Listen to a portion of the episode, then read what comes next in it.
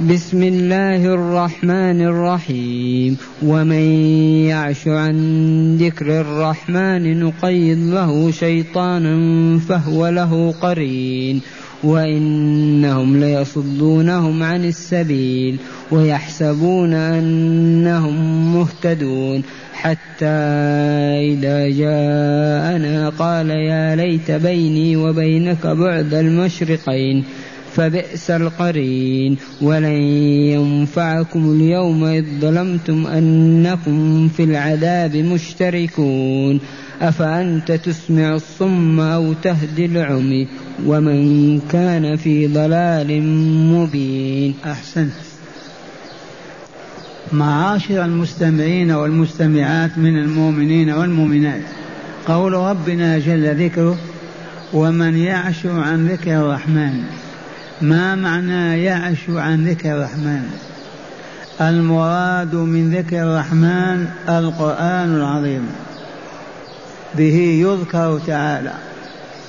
المراد من الذكر هو القرآن الكريم. والرحمن هو الله الذي لا إله إلا هو. وعشى يعشى إذا أبى أن ينظر. نظر نظر ضعيفة أعرض ولم يلتفت فالله يخبر بهذا الخبر العظيم. يقول الذي يعشو عن ذكر الرحمن عن القرآن لا يتلوه لا يتدبره لا يتعرف ما فيه لا يعمل بما فيه. وإذا قرئ عليه يلفت رأسه ما ينظر إلى آياته هذا نقيض له شيطان. من فعل هذا فعلنا معه هذا. ومن يعرض عن ذكر ومن يعشو بمعنى يغمض عينيه ولم ينظر بمعنى يعرض ولم يلتفت. عن كتاب الله القرآن الكريم نقيض له شيطانا فهو له قرين ملازم له في الدنيا والآخرة معا. هذا حكم الله. ما من إنسان أبيض أو أصفر يعرض عن كتاب الله يعرض عن ذكر الله عن عبادة الله عن طاعة الله إلا ويقيد الرحمن له شيطانا يهيئ له ويسبب له ويجعله ملازما له في الدنيا والآخرة. ومن ثم صاحب هذا الشيطان لا يتوب. لا يرجع إلى الحق. أعماه وأصمه هذا الشيطان. فلهذا معشر المستمعين والمستمعات لا نعرض عن كتاب ربنا بل نتلوه ونتدبره ونعمل بما فيه ونتعرف إلى ما فيه ونعبد ربنا عز وجل بطاعته وطاعة رسوله. ومن ثم يحفظنا ربنا ولا يسلط علينا شياطين الإنس ولا الجن. ومن يعش عن ذكر الرحمن نقيض له شيطانا فهو له قرين مقارن له في الدنيا حتى يموت وفي الآخرة حتى يدخل النار معه. ومن لازمه الشيطان ما يستطيع أن يعبد الرحمن. إذا لازمه الشيطان زين له الباطل حسن له الفسق الفجور الكفر كل هذا يجعله أحب شيء عنده. ومن ثم لن يتوب ولن يعود إلى الله عز وجل. فالآية الكريمة تحذرنا من الإعراض عن كتاب ربنا. فعلينا أن نقرأ ونسمع ونعمل بما فيه. وأن نتدبر آية وننظر كلماته بأعيننا. ما نتكبر ولا نقرأ ولا ندرس. فإن من أصيب بهذه الفتنة لازمه هذا الشيطان طول حياته. لا يسمح له أن يقول كلمة حسنة ولا أن يعمل حسنة من حسناته لأنه مقابل له ملازم له ولا يفارقه أيضا يوم القيامة حتى يدخل معه النار كما سيأتي. ومن يعرض ومن يعشو عن ذكر الرحمن نقيض له شيطانا فهو له قرين. وإنهم ليصدونهم عن السبيل ويحسبون أنهم مهتدون. الذين قيض الله لهم هؤلاء الشياطين القرناء هؤلاء يقول تعالى وإنهم ليصدونهم عن سبيل الحق عن طريق الهدى عن طريق السعادة. يسوقونهم إلى مظاهر الباطل والشر إلى الخبث والفساد ويبعدونهم عن الطهر والصفاء عن الحق والعدل أبدا. ما يسمحون لهم بذلك. وإنهم لا يصدونهم عن السبيل التي فيها رضا الله وفيها نعيم الله وفيها جوار الله. يصدون عن السبيل الذي هو عبادة الله بذكره وطاعته. لتسمو النفس وتزكو وتطيب وتطهر الروح. هذا شأنهم يصدونهم عن السبيل ومع هذا يحسبون أنهم مهتدون. هؤلاء الضالون الذين عاشوا عن القرآن وأعرضوا عنه يحسبون أنهم مهتدون. يحسبون أنهم مهتدون وهم يبيحون الربا والزنا والجرائم والموبقات والشرك والكفر والمعاصي كلها ينغمسون فيها ويرون أنهم أحسن من غيرهم أفضل من المؤمنين المهتدين. يقولون نحن المهتدون. وما سبب هذا؟ سببه الإعراض عن دين الله الإعراض عن طاعة الله ورسوله الإعراض عن شريعة الله. الإعراض عن كتاب الله. من توغل في هذا البعد زين الله له شيطانا وحسنه له وقرنه به. فيستمر على الباطل والشر والفساد والخبث ويرى أنه هو المهتدي. وأما المؤمنون الصالحون ما اهتدوا بعد. وإنهم ليصدونهم عن السبيل أي السبيل الموصله إلى رضا الله عز وجل التي هي الإسلام ويحسبون أنهم مهتدون وأن غيرهم هم الضالون. ثم قال تعالى حتى إذا جاءنا قراءة نافع أي القارن المقرون حتى إذا جاءنا وقراءة حفص حتى إذا جاءنا الذي قارنا به الشيطان والكل جاهل. حتى إذا جاءنا قال يا ليت بيني وبينك بعد المشرقين. إذا جاءه الشيطان الذي كان معه في القبر وخارج القبر في الآخرة ماذا يقول؟ يا ماذا يقول؟ يا ليت يا ليت بيني وبينك بعد المشرقين. يتمنى أن لو كان لا يصل به هذا الإنسان شيطان ولا يتصل به أبدا. كما بعد الشرق عن الغرب. والمشرقين والمغربين بمعنى المشرق والمغرب. ولكن للشروق موضع موضعين وللغروب كذلك بحسب الصيف والشتاء. الشتاء له غروبان والطلوع كذلك. ولكن المراد يتمنى أن لا يراه ولا يسمع به ولا يشاهده وأن لا يكون معه أبدا.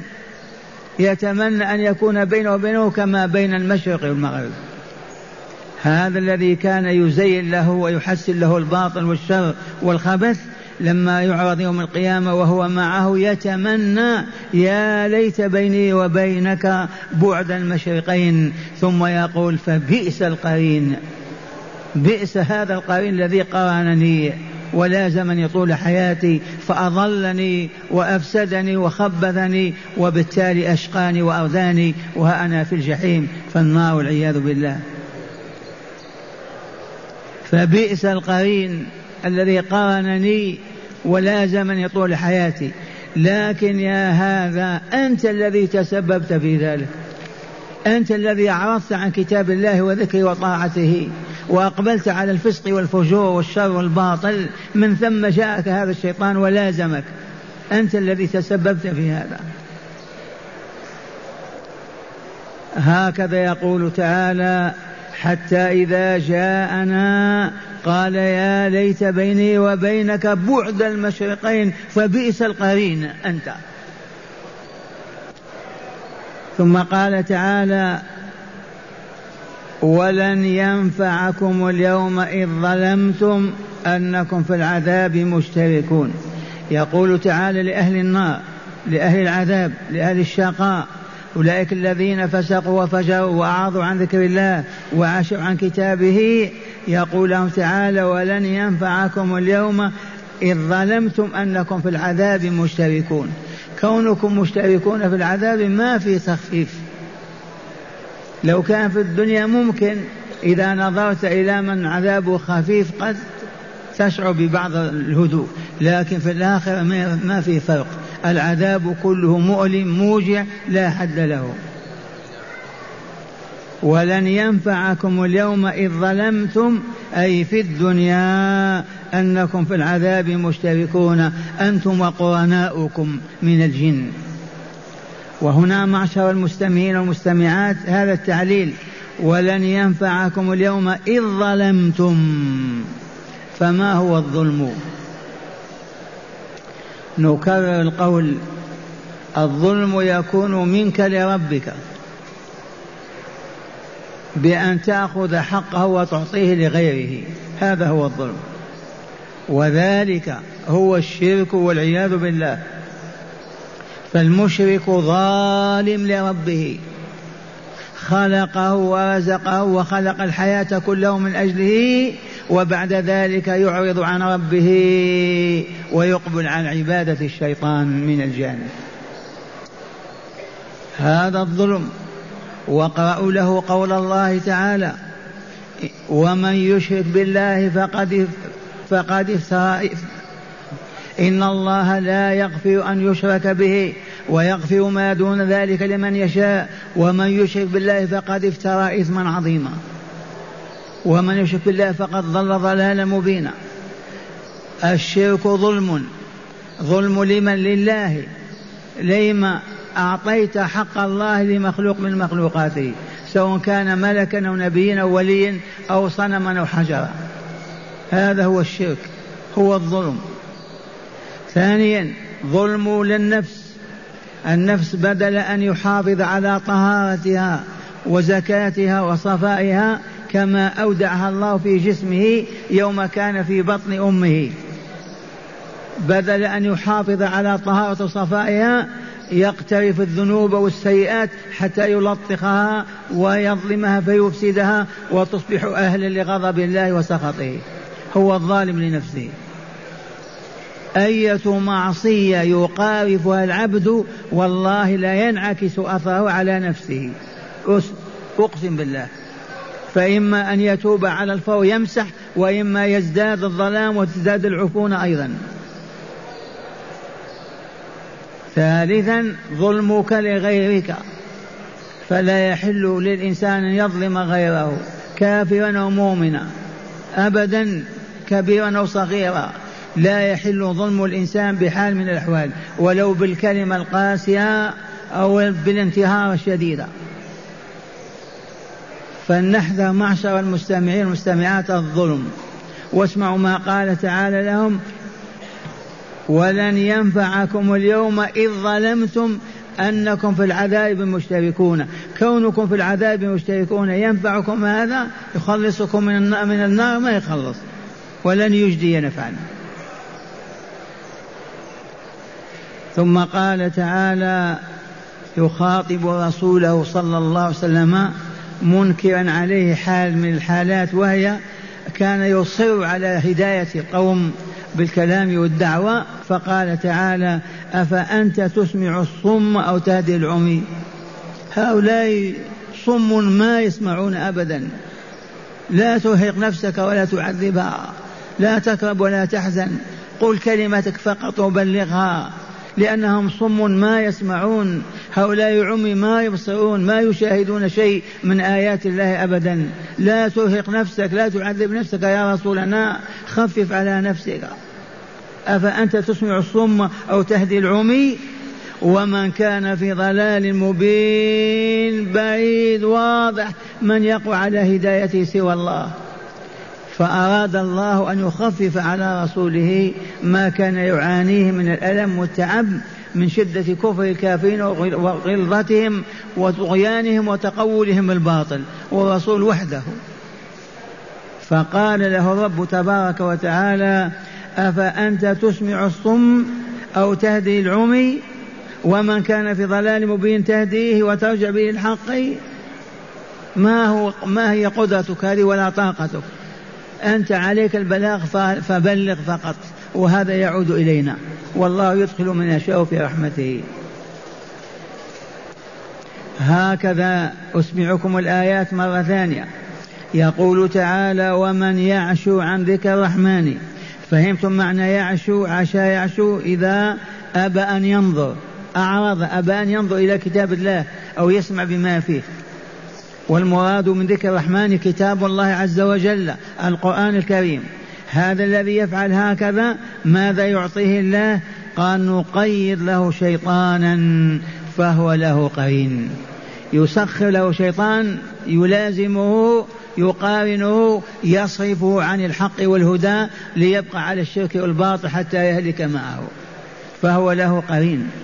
وقال تعالى وإنهم أي أولئك الشياطين ليصدون اقرانهم الذين الذين سلطناهم عليهم ليصدونهم عن السبيل ويحسبون أنهم مهتدون. لو كان علموا أنهم ضالون لطلبوا الهداية لكن كونهم الشياطين تزين لهم أنهم هم على الحق. والرسول ومن معه ليس على الحق أنتم على الحق. والعياذ بالله حتى يستمروا على باطلهم وضلالهم. وإنهم ليصدونهم عن السبيل. ما المراد من السبيل؟ الطريق الموصل إلى رضا الله. ألا وهو الإيمان بالله وطاعة الله وطاعة رسوله بفعل الأوامر وترك النواهي. ويحسبون أنهم مهتدون لأن الشياطين تزين لهم الباطل ويدعون أنهم على حق. ثم قال تعالى حتى إذا جاءنا أي الذي قيضنا له الشيطان. حتى إذا جاءنا أي يوم القيامة قال يا ليت بيني وبينك بعد المشرقين. يقول لقارينه من الشياطين يا ليت بينك وبينه كما بين المشرق والمغرب. لا أراك ولا تجلس معي ولا أسمع منك. يا ليت هذا ولكن ما يكون لأنهما في جهنم معا. يا ليت بيني وبينك بعد المشرقين فبئس القرين أنت. ما أقبح هذا القرين وما أسوأ حاله. فبئس القرين. ثم قال تعالى ولن ينفعكم اليوم إذ ظلمتم أنكم في العذاب مشتركون. فكونكم مشتركون في العذاب مع شياطين الجن هل هذا ينفعكم؟ ما ينفع أبدا. لو عذبتم وحدكم ما ينفعكم ذلك. لو عذبتم معهم كذلك. ولن ينفعكم اليوم إذ ظلمتم أنكم في العذاب مشتركون. ثم قال تعالى لرسوله محمد صلى الله عليه وسلم كالمنكر عليه أفأنت تسمع الصم؟ تستطيع أن تسمع الأصم الذي ما يسمع, ما يسمع. أنت تهدي العمي الطريق وما يعرف الطريق ما له بصر. كيف يعرف الطريق؟ ومعنى هذا خفف على نفسك ولا تتعبها وبلغ دعوة الله فقط ولا يضرك كونهم ما آمنوا ولا ما اهتدوا. إذ مهمتك البلاغ وقد بلغت. أفأنت تسمع الصم أو تهدي العمي؟ الجواب لا لا ما يستطيع. إذا ومن كان في ضلال مبين؟ تستطيع أن تنقذه وتخرجه من ضلاله. ضلال قوي واضح ما تستطيع. إذا فعليك بالصبر والاستمرار في دعوتك حتى ينصرك الله عز وجل. من هداية هذه الآيات إليكمها أولا بيان سنة الله تعالى في من يعرض عن ذكر الله. فإنه يسبب له شيطانا يضله ويحرمه الهداية أبدا. فيقيم على الذنوب والآثام ضالا الطريق المنجي المسعد وهو يحسب أنه مهتدي. من هداية هذه الآيات اولا بيان سنة الله تعالى في سنة الله تعالى في من يعرض عن ذكر الله فإنه يسبب له ذلك الأعراض يسبب له شيطانا يضله ويحرمه الهداية أبدا. فيقيم على الذنوب وعلى الآثام ضال الطريق ضالا الطريق المنجي المسعد وهو يحسب أنه مهتدي. وهذا يتعارض له المعارض وهذا يتعرض له المعرضون عن الكتاب والسنة كالمبتدع وأصحاب الأهواء والشهوات والعياذ بالله تعالى. انتبهت من هذه الجملة؟ قال وهذا الذي سمعتم يتعرض له من هم؟ المعرضون عن القرآن الكريم وتحكيمه والعمل بما فيه المعرضين عن السنة النبوية والإعراض عنها وتركها كالمبتدعاء وأصحاب الأهواء والشهوات والعياذ بالله تعالى. إي والله. ثانيا الاشتراك في العذاب يوم القيامة لا يخففه. إي والله. كونهم يعذبون كلهم مع بعضهم البعض ما يخفف العذاب عنهم. ثالثا بيان أن من أعماه الله وأصمه الله حسب سنته في ذلك لا هادي له ولا مسمع له ولا مبصر. قائم هذه السنة إلى يوم القيامة. بيان أن من أعماه الله وأصمه حسب سنته ما سنة الله في الإعماء والإصمام؟ لما يعرض العبد عن دين الله وعن شرعه وكتابه ويقبل على عبادة الأهواء والشياطين يصاب بذلك المصاب. يزين له الشيطان فيعميه ويصمه. بيان أن من أعماه الله وأصمه حسب سنته في ذلك الإعماء والإصمام. لا داعي له ولا يسمع له ولا يبصر ولا سمع له ولا بصر والعياذ بالله.